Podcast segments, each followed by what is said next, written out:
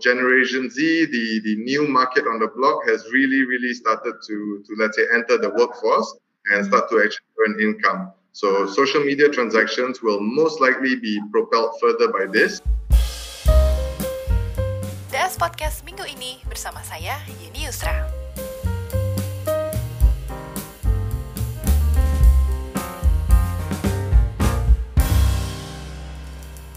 Hi, Sean. Hi, Yanni. Nice to meet you, and uh, it's a pleasure to be here. Thanks for having me. Thank you for having us also. So, before we dive into the conversation, maybe you can explain to us what is Intrepid.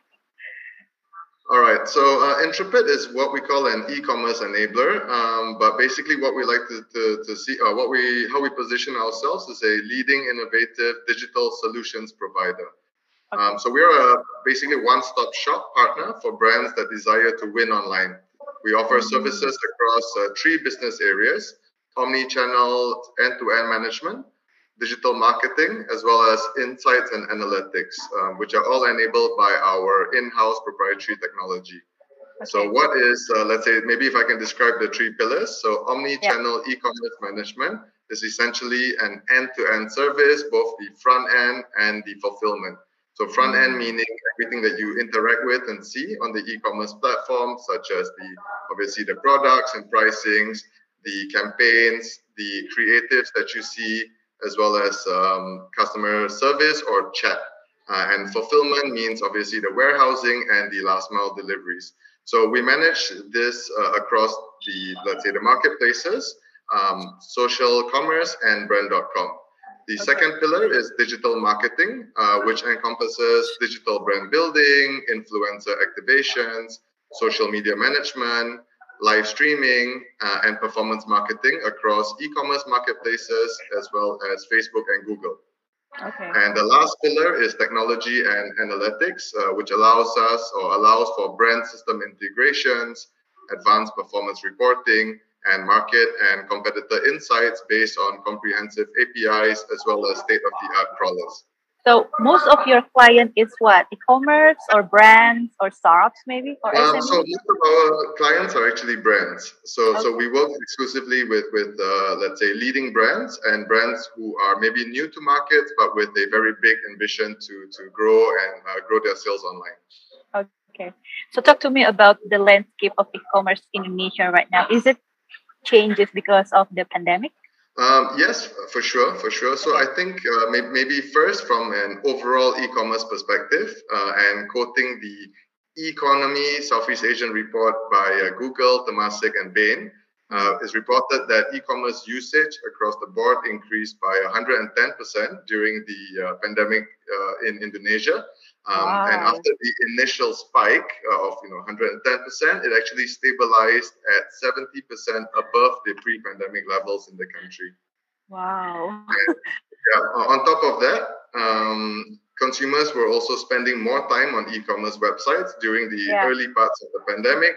Uh, and we're also purchasing more online than ever before. We, we see that the average time spent online per day in Indonesia um, start was at 3.6 hours before the pandemic and it actually jumped to 4.7 hours during the lockdown period, so that initial spike, uh, and was still well above the pre-pandemic uh, average at 4.3 hours when restrictions started to ease.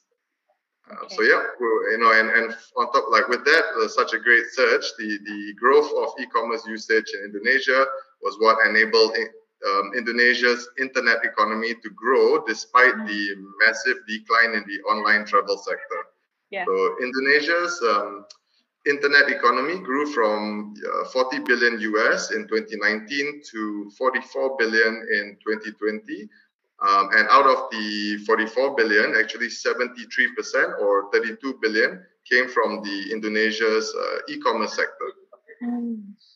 So, okay, so that's more on the, let's say, the overview uh, in, in general, of course, on the e-commerce, uh, let's say, environment. But the other perspective is actually the category perspective. So we do okay. observe a huge shift in the different categories as, as consumers spend more time at home. Um, there were massive spikes in sales uh, within certain categories, such as groceries, um, healthcare, medical, supplements hobby as well as home improvement products, uh, to name a few. Okay. So we're still in the pandemic, but the Mhm. the the the situation right now is much more cooler than the uh, previous two years. Uh, the, the the COVID is still around, but more a, a lot of people is becoming more convenient and uh, going back to work. Is it going to change consumer behavior? Uh, even though it's still the pandemic, but most of them are already have booster and stuff like that, so they tend to uh, shop outside, uh, shop offline instead of online, or that's no different whatsoever. Um, so I guess uh, obviously with the change, it, it's it's Yeah. uh, something very fundamental, and, and uh, you know like what we see from China when when there was SARS before, it actually it propelled the the change in even faster. So the rate of change grew faster during such you know such unfortunate times. Um, but what we do see is, you know, let's say on consumer behavior, as people spend more time at home, uh, you know, since the pandemic, especially in the first year, uh, the environment essentially pushed consumers to move to online channels as much as possible because of safety as well as the inability to transact offline during the you know lockdown periods here. Uh, so some of the consumer behavior changes we see are you know more users are going for alternative payments uh, such as digital Oh, payments Okay. yeah, so so in the banking world, we see this in how, let's say, uh, banks have stepped up their digital uh, transformation, their digital technology, and, and have improved services in mobile banking. Uh, as we, we see in Indo, maybe BCA, uh, BCA Blue would be a good example. That's the digital Oh. wing of BCA. Mhm. And uh, on top of that, BRI uh, also launched its internet banking, BRImo. Moreover, um, according to a report by McKinsey, uh, it also highlighted that uh, Indonesian consumers grew more particular in terms of um, hygiene and sustainability packaging, as well as the um, company values of organizations which they were choosing to purchase from.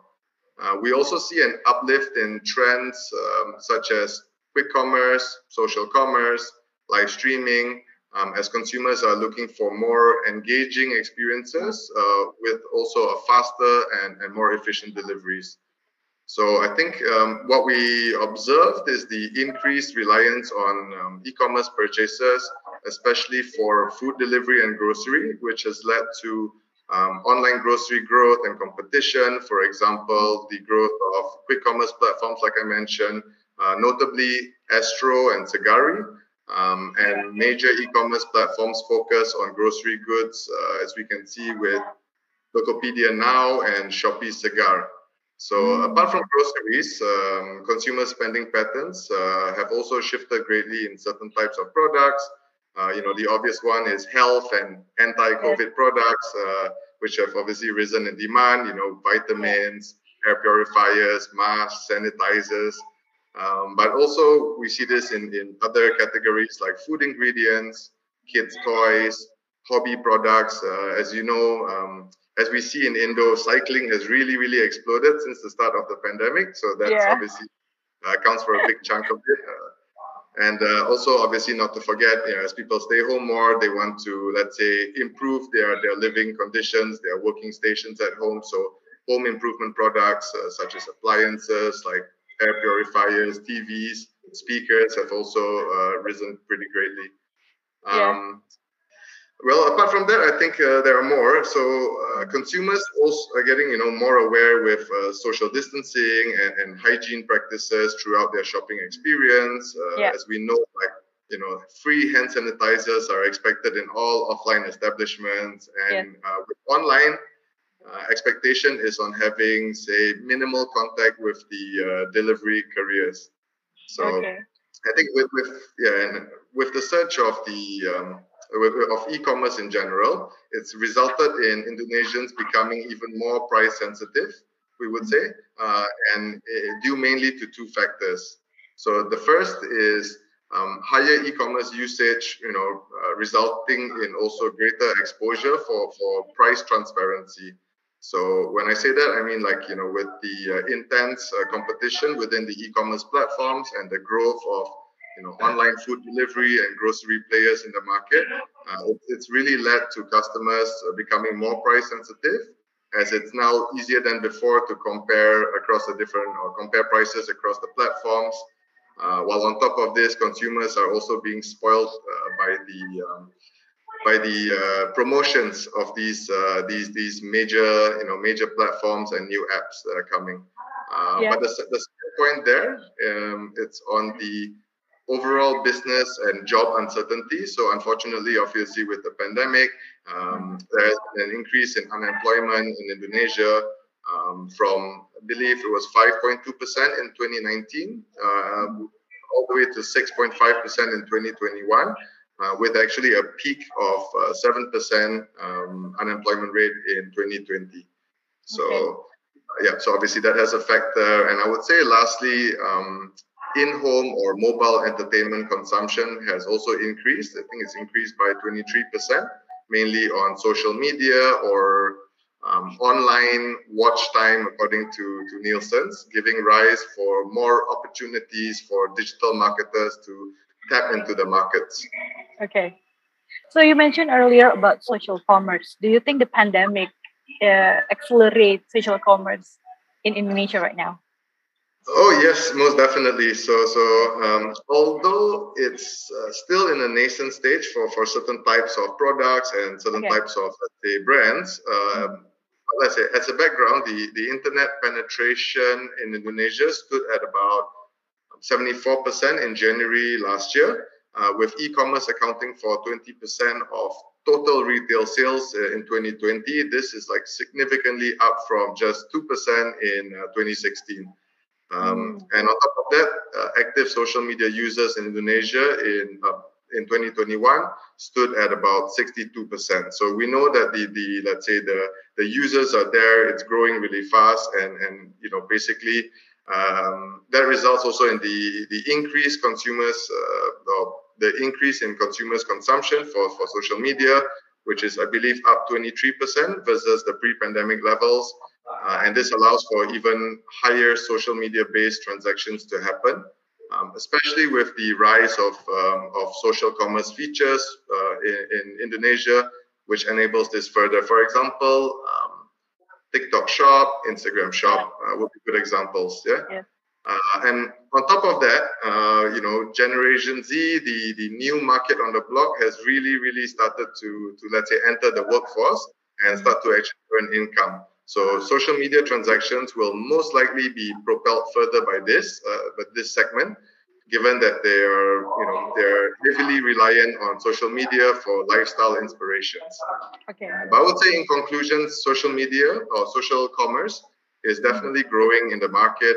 Uh, however, it may take a little while to fully take off of, of all players because uh, we believe in the first phase it will slowly penetrate through the C2C market, so more let's say less brands, but more on consumer to consumer. Um, and this pattern, uh, you know, we actually come to this conclusion because we see this. Uh, we, we, this pattern is very similar with the trends for live streaming, uh, you know, or you know, like shopping on the live streaming channels. So across the the e-commerce platforms, where most of the sales or better performance are actually generated from the C2C uh, players versus the brands. Uh, however, for brands, uh, social commerce is utilized right now mainly for awareness. When I say this, I'm not saying for all brands, but for, let's say, certain uh, classes of brands with maybe a higher selling price. Uh, it's utilized more for awareness at the moment, uh, though the rate of growth and obviously the continuous investment from the major platforms like you know, Instagram, Facebook, TikTok, it does suggest that it's only a matter of time that social commerce will start to pay dividends and um, you know it will grow to account for a larger share of sales as compared to the other channels for the brands. Okay, interesting. So talk to me about uh, what is how how is your role as a platform Intrepid to support business and uh, growth for users?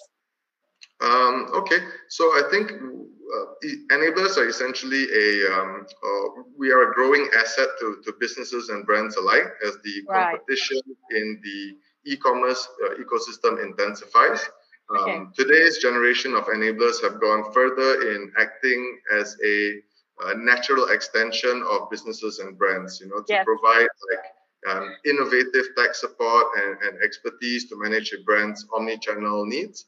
Mm-hmm. Um, all the while still supporting the brand's commercial growth in a short period of time. So, yeah. um, in a way, we try to view ourselves as a an outsourced in-house team. So we not only handle the we, we, we view ourselves as consultants, but also strong operators of, of the channels that we manage. Okay. Thank you so much, Sean, for your time. And hopefully you will share more updates from Intrepid, okay? For sure, for sure. Well, thanks for having me again, Jenny. And uh, okay. Keep okay. safe. DS Podcast minggu ini bersama saya, Yeni Yusra.